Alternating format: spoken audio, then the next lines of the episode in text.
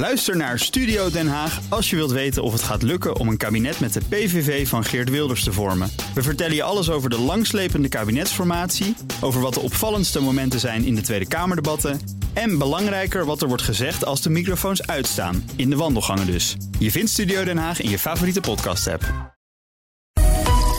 Economenpanel. Een kwart van de Nederlandse huishoudens heeft te weinig spaargeld voor acute noodsituaties. En staalfabrikanten kunnen hun geluk niet op nu de economie weer aantrekt. En ook zij daar de vruchten van plukken. Dat en meer bespreek ik in het Economenpanel. En daarin zit vandaag Menno Middeldorp, hoofd van Rabo Research. En Roelof Salomons, als hoogleraar verbonden aan de Rijksuniversiteit Groningen. En, nieuwe aankondiging, adviseur bij verschillende financiële instellingen. Welkom, fijn dat je er bent. Mooi, goedemorgen. Laten we het uh, allereerst hebben over het Centraal Planbureau. Dat maakt zich zorgen om een grote groep huishoudens met te weinig direct beschikbaar spaargeld. Nederlanders sparen wel geld door middel van een hypotheek of het zit in een pensioenfonds. Maar in noodsituaties is het niet direct beschikbaar. En dus zou er meer flexibiliteit in moeten worden gebouwd. Uh, Roelof, is het logisch dat het uh, CPB aan de bel trekt? Ja, het lijkt me wel. Uiteindelijk als je leest dat een kwart van de Nederlanders... gewoon minder geld op zijn spaarrekening heeft staan... dan wat het Nibud zegt dat eigenlijk noodzakelijk is... iets van 5.000 à 6.000 en de gemiddelde Nederlander... de kwart van de Nederlanders heeft er maar 2.500 staan. Ja, dan mag je wel even nadenken of de buffers die we allemaal zo heel belangrijk vinden... of iedereen die buffers wel, wel heeft. Uh, Menno, is het misschien goed om jou dat ook even te vragen... want ik geloof dat Rabobank daar onlangs cijfers over heeft gepubliceerd. Het is nogal ongelijk verdeeld, hè, de spaargelden van Nederlanders. Ja, we hebben specifiek gekeken naar de, het coronasparen, zeg maar. Er is natuurlijk veel nieuws geweest dat er flink gespaard is afgelopen jaar. Doordat uh, niet iedereen ge, de, de, gewende, zeg maar, gebruikelijke uitgavenpatronen kon doen. Je kon niet naar de kroeg bijvoorbeeld. Uh, en dan blijkt dat dat eigenlijk maar geldt voor iets meer dan de de, de, een derde van de bevolking. En wat grofweg gezegd, wat er gebeurt is, is mensen die veel geld uitgaven, ja, die konden dat niet, dus die gingen vanzelf sparen. Maar voor de rest is er eigenlijk of niet zoveel veranderd, of zijn ze zelfs in sommige gevallen uh, minder gaan sparen. En per saldo zie je nog steeds dat die, die kwart die eigenlijk niet uh, voldoende buffer heeft, um, dat die eigenlijk onveranderd is. Het was een kwart dit jaar, het was een kwart vorig jaar.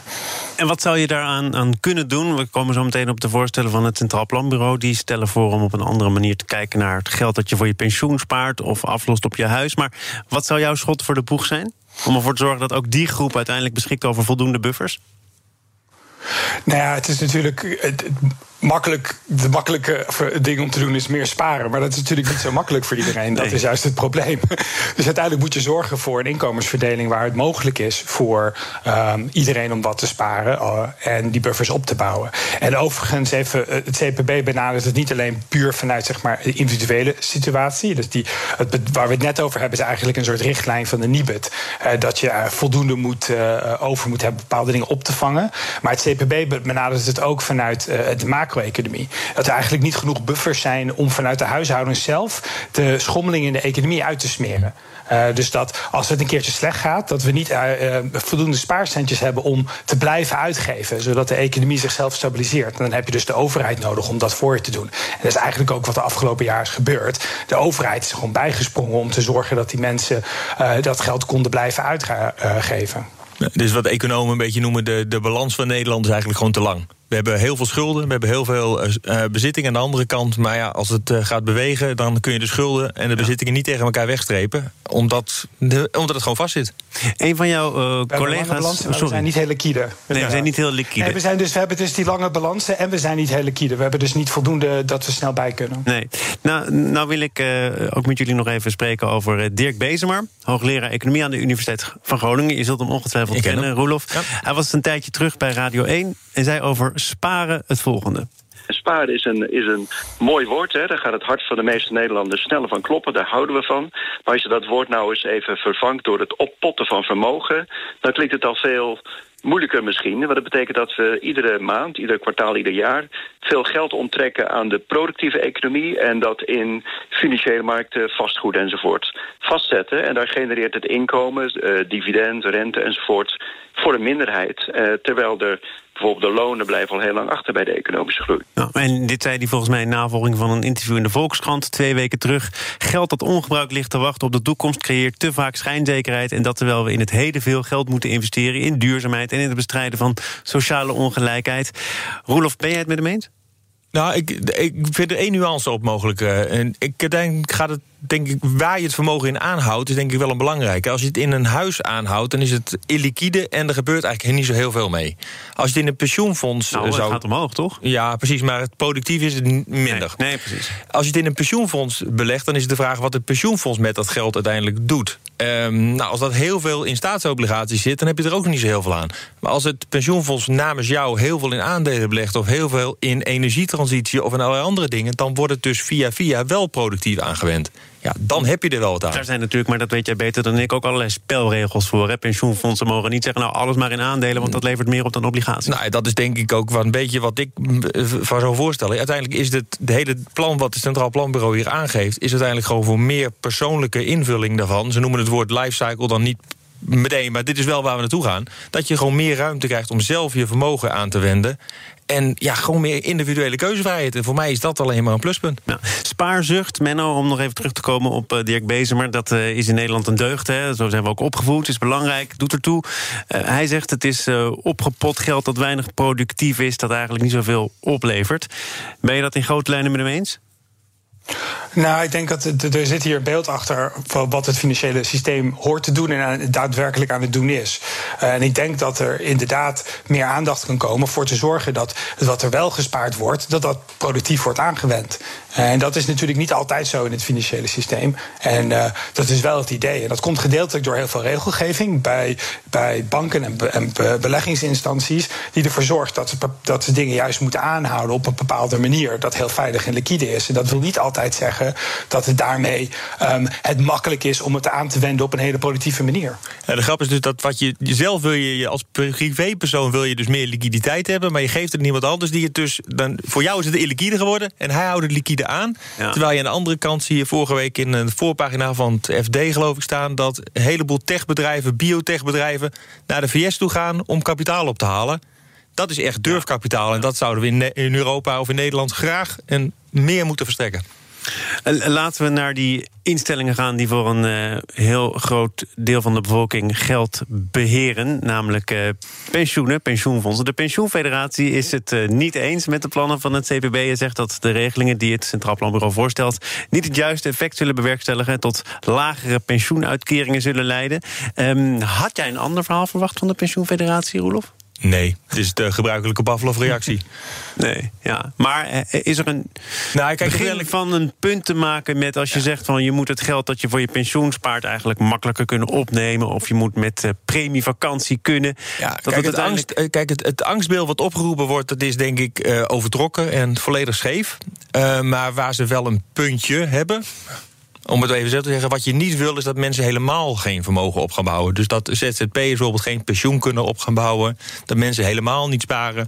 En dat als er iets gebeurt, een, uh, noem het een life-changing event, een overlijden, je verlies je baan, dat je er helemaal niks hebt.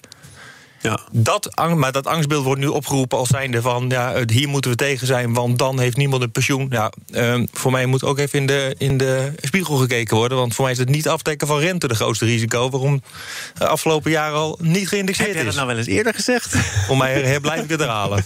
Uh, Menno, uh, is dit nou, een angstbeeld, een angstvisioen zoals Roelof schetst... of is er toch ook wel een, een punt te maken met het feit... dat je eigenlijk je oude dagvoorziening in de waagschaal stelt... en dat dat risico's met zich meeneemt? Ja, dit, dit, dit, zijn twee dingen die waar zijn. Je kan natuurlijk mensen meer flexibiliteit geven. Dan zouden ze dat kunnen gebruiken om meer liquide spaargeld te creëren. Maar ze zouden het ook kunnen uitgeven.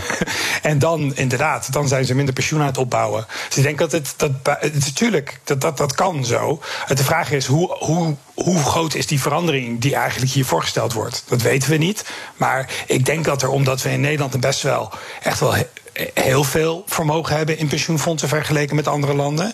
Dat er wel wat ruimte is om aanpassingen te doen.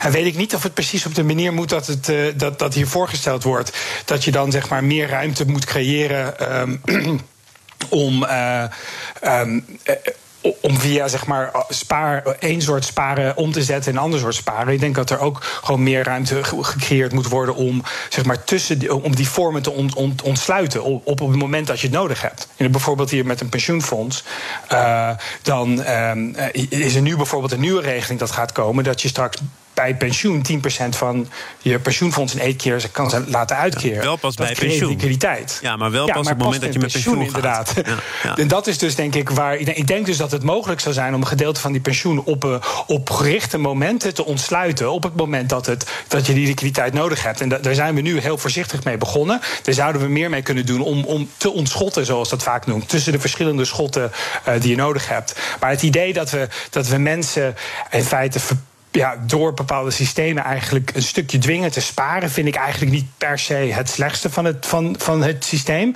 Want er, zijn, er is een gedragsneiging die juist ervoor kan, kan zorgen dat mensen het inderdaad uitgeven. Maar om meer flexibiliteit tussen die schotten te creëren, lijkt me juist wel een goed idee. Meer flexibiliteit en ook meer uh, persoonlijke uh, keuzes hierin. Dat ontschotten vind ik een mooi woord van je. Maar als jij, uh, je hebt een AOW, je hebt wellicht een huis, je hebt dan ook nog een pensioen. Dan zit je dus twee keer op te bouwen in illiquide uh, titels. Terwijl als jij een, al in een huis, een huis al hebt... Ja, dan kan je als je 65 bent of 70 bent... zou je ook uh, een hypotheek kunnen nemen... die, nou noem het een omkeerhypotheek. Dat je blijft in je huis wonen... en uiteindelijk eet je langzaam je huis op die innovaties zijn er ook al. Maar Roelof, als je kijkt naar de, de psyche van de mens... Hè, je hebt dat geld nodig, je moet een deel van je pensioen bijvoorbeeld liquide kunnen maken... dan doe je dat toch niet om het weg te zetten op een spaarrekening... maar dan doe je dat omdat je op dat moment in je leven ziet... dat al je kinderen gaan studeren of dat er iets anders gebeurt... waardoor je dat geld hartstikke nou hard nodig hebt. Je zet dat toch niet op een spaarrekening, je geeft het toch ook uit?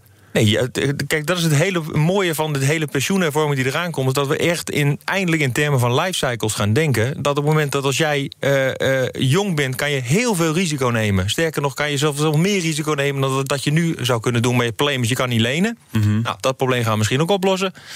En uiteindelijk bouw je gewoon vermogen op voor het moment dat je uiteindelijk dat vermogen het hardste nodig hebt. En dat is uiteindelijk of je kinderen laten studeren, of uh, uiteindelijk nog van je goede oude dag genieten. We gaan uh, naar iets anders dat voor een deel opgelost lijkt te zijn. Namelijk de zware tijden voor de staalindustrie. Zaken doen. En dat doe ik samen met het economenpanel. Vandaag bestaat het uit Menno Middeldorp, hoofd van Rabo Research... en Roelof Salomons, hoogleraar aan de Rijksuniversiteit Groningen... en adviseur bij verschillende financiële instellingen. Um, er zijn uh, bedrijven, cijfers bekend geworden van staalreuzen... staalfabrikanten, ArcelorMittal, Tata Steel is ook al met positieve cijfers gekomen. Stond een uitgebreid stuk over, onder andere in NRC. Nou, dat is wel heel bijzonder, zeg. Als zelfs nu de staalfabrikanten met goede cijfers komen... dan is er iets aan de hand.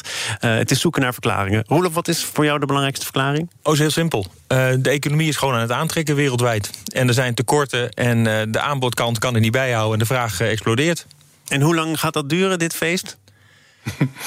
dat is een mooie vraag. Ik denk dat uh, als je het de belegger zou vragen, en die, dan praat ik even als belegger, dan hebben beleggers hier al een flink groot voorschot opgenomen en is er al langere tijd een discussie gaande van uh, hoe hard gaat inflatie oplopen en zijn er geen knelpunten in de economie. Nou, dat zie je dus nu doorkomen. Ik zag vandaag, vanochtend de staalprijs ook weer met 10% oplopen. Dus dat zie je ook alweer gebeuren. Uh, grondstofprijzen uh, lopen allemaal op. Hoe lang gaat het dan door? Ja, zolang als de economie gewoon volle kracht door blijft gaan. Ja, en dat zal uiteindelijk wel weer een beetje gaan, een beetje gaan afzwakken de komende tijd. Menno, wat is jouw verwachting? Um, ik ik denk dat de echte grote vraag is: is dit een structurele verandering of is dit gewoon een cyclisch iets? Uh, hebben we nu gewoon even een kortstondig herstel die heftig is? Uh, en krijgen we daardoor deze prijsstijgingen niet alleen in grondstoffen, maar gewoon in, in alles? Het is gewoon een hele brede uh, toename van inflatie dat we zien. is dat het begin van een einde van die deflatoire periode die we al jarenlang hebben gehad? of is dit gewoon eventjes een, een, een tussenfase, een cyclische fase? En eerlijk gezegd, het antwoord daarop is gewoon dat weten we nog niet. Nee. We, we passen als we een veel bredere toename van bijvoorbeeld de lonen uh, gaan ik, zien. Ik ken iemand die het wel weet. Begint, begint, begint te denken dat Roelof een idee heeft. Ah, ik, ik, ik bedoel, de gevaarlijkste wat je moet doen is zeggen dat je het weet. Maar wat je wel ziet is dat beleggers wel aan langere... die, die geloven niet meer zozeer in dat dit heel erg tijdelijk is. Want je ziet de inflatieverwachtingen ook op een langere horizon. Dus laten we zeggen vijf of tien jaar vooruit. Zie je die inflatieverwachting in ieder geval in de VS... ook al richting de 2,5% gaan. Dus om te zeggen dat het heel tijdelijk is, denken beleggers in ieder geval wel dat het veel langer op een hoger niveau kan blijven. Ja, beleggers kunnen gelijk krijgen. Maar meestal, ze, vaker lopen ze voor op dit soort dingen uh, dan dat de werkelijkheid uitkomt. Ze zijn ook om een paar keer um, op dit soortzelfde foutje is al een paar keer gemaakt in de, in de afgelopen decennia. Mm -hmm. um, ik, ik sluit het echt niet uit hoor. Ik wil niet meer hier zeggen dat ik sceptisch ben. Maar ik denk dat als het een keertje gaat gebeuren, dan is nu de tijd omdat ook de overheden zoveel exact. geld aan het uitgeven zijn. Vooral in de VS. Waardoor dit best wel een spannend moment is. Gewoon als econoom, hè? Ook gewoon zien we dan eindelijk die kentering komen. Maar we weten, zeker weten, weten we het niet. Ja, wat we wel denken, we weten dat globalisering eh, iets minder ruim is dan dat het jaar geleden was. Technologische ontwikkeling gaat door. Maar je ziet wel dat in tegenstelling tot de vorige crisis die we gezien hebben, dat je nu zowel centrale banken als overheden hebt die hard aan het duwen zijn. En dat is wel anders dan de vorige. Maar zowel die overheden als de centrale banken proberen volgens mij uh, zo goed als ook kwaad als het gaat om de geest toch een beetje in de fles te houden. In die zin dat ze zeggen: echt een hyperinflatie, echt een stevig oplopende inflatie, dat zal toch niet aan de orde zijn. En als het is voor een hele korte periode. Nee, maar dat zal ik niet zo. Ik bedoel, we hebben vier decennia dalende inflatie gehad. Dus die psyche ga je niet heel snel omdraaien. Menno? Ja, inderdaad. Dat, dat, je hebt juist een beetje lef nodig om het te laten. Om, om het risico te lopen, in ieder geval dat, dat het ontsnapt. Om het echt inflatieverwachtingen, niet alleen in de markten, maar ook onder de bevolking omhoog te krijgen. En ook die loonsgroei op gang te krijgen. Dus, uh, en je ziet de Fed, die, die, heeft, die heeft natuurlijk daar al een beetje een voorschot op genomen. Dus ze zeggen van nou, wij laten inflatie nu wat langer gaan dan we in het verleden hadden gedaan. Dus dat, dat ja, nogmaals, dat is toch echt wel een verandering. Ja, dus Olly Rehn heeft het overigens eh, ook gezegd. Ik zie jou knikken, Roelof. De centrale bankier van Finland, ook met een uitgebreid verleden als eurocommissaris. Belangrijke speler in die crisisperiode. Die heeft ook gezegd, uh, namens de ECB, of misschien wel als oproep aan de ECB... hoge inflatie, tijdelijk hoeft dat geen probleem te zijn. Nee, Olly Rehn zegt eigenlijk het, het, het, boek wat de Fed geschreven heeft vorig jaar... pakt Olly Rehn nu dezelfde pagina uit en houdt exact hetzelfde verhaal. Dus ook, en kan dat zomaar? Kan je de Amerikaanse positie, de situatie plakken op de Europese? Nou, ik denk de Fed wel, heeft toch andere wel. doelstellingen? De Fed moet er ook meer dan de ECB kijken naar de arbeidsmarkt? Nee, de Fed heeft ruimere doelstellingen... en mag dus uiteindelijk ook inflatie iets verder laten oplopen... omdat het uiteindelijk ook over werkloosheid gaat. Um, Europa zit er iets strakker in... Maar ja, Europa heeft ook iets meer ruimte dan de VS om inflaties op te laten lopen. Want wij hebben iets ja. lagere inflatie gehad dan de VS de afgelopen decennia. Iets meer noodzaak ook, inderdaad. Daardoor, ja. juist. Uh, als je die inflatieverwachtingen wil creëren, moet je juist het iets laten lopen. Uh, dat is ook een van de dingen die we van Japan hebben geleerd. Dat ze, de, ja, dat, dat ze toch ook te voorzichtig waren aan, de, uh, aan, het, aan het laten lopen van inflatie. Wanneer dat wel ontstond. dus dat, dat, ja, als je mensen echt wil overtuigen dat die inflatie komt, dat, ja, dan moet je niet meteen gaan roepen van oeh, oeh maar niet te hoog. Nee, nee, dus Olly Reen pakt er, Menno, wat jou betreft ook de goede pagina uit. Als hij toch het verhaal van de vet erbij wil pakken, dan is dit de manier om het ook voor de ECB uh, behapbaar te maken om dat pad te betreden. Ja, Oké. Okay. Nou, en zolang obligatiebeleggers nog uh, in slaap gesust zijn, uh, kan je het ook prima doen nog. Dus, nee, maar de, de, hier gaat het uiteindelijk om. Tot wanneer gaan obligatiebeleggers accepteren dat inflatie langere tijd boven het boven de doelstelling zit. Ja. En zolang we dat accepteren, is er niks aan de hand. We gaan uh, tot slot naar een ander onderwerp. En dat is dat de verschillen tussen bedrijven die tijdens de lockdown goed hebben gedraaid. en de bedrijven die slechter hebben gepresteerd steeds groter worden. is een waarschuwing van de Nederlandse Vereniging van Banken vorige week. Dat is een analyse, Roelof. Ja, dat is allemaal niet zo verrassend. Denk nee, ik. het feit dat de horeca en de reisbranche op dit moment niet zo best draaien en helemaal geen krediet nodig hebben, dat is denk ik niet heel verrassend. En wat doe je met die verschillende snelheden binnen de economie?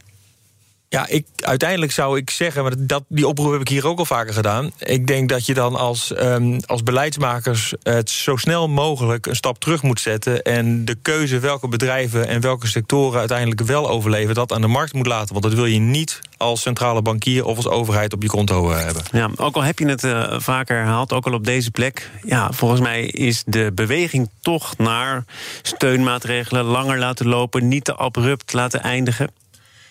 Dat, dat, klopt, die steun zie ik, dat, dat, zie ik ook. Aan de andere kant zie ik ook dat je enorme creative destruction uh, ziet. Ook dat bedrijven worden opgestart, businessmodellen worden veranderd. Uh, dus aan de andere kant zie je ook dat bedrijven wel uh, die, de om, die de verandering omarmen, ook in staat zijn om het zonder overheidssteun te doen. Uh, Menno, wat zou jij doen met dat steeds groter wordende gat? Die kloof tussen de bedrijven die het goed doen en de bedrijven die achterblijven?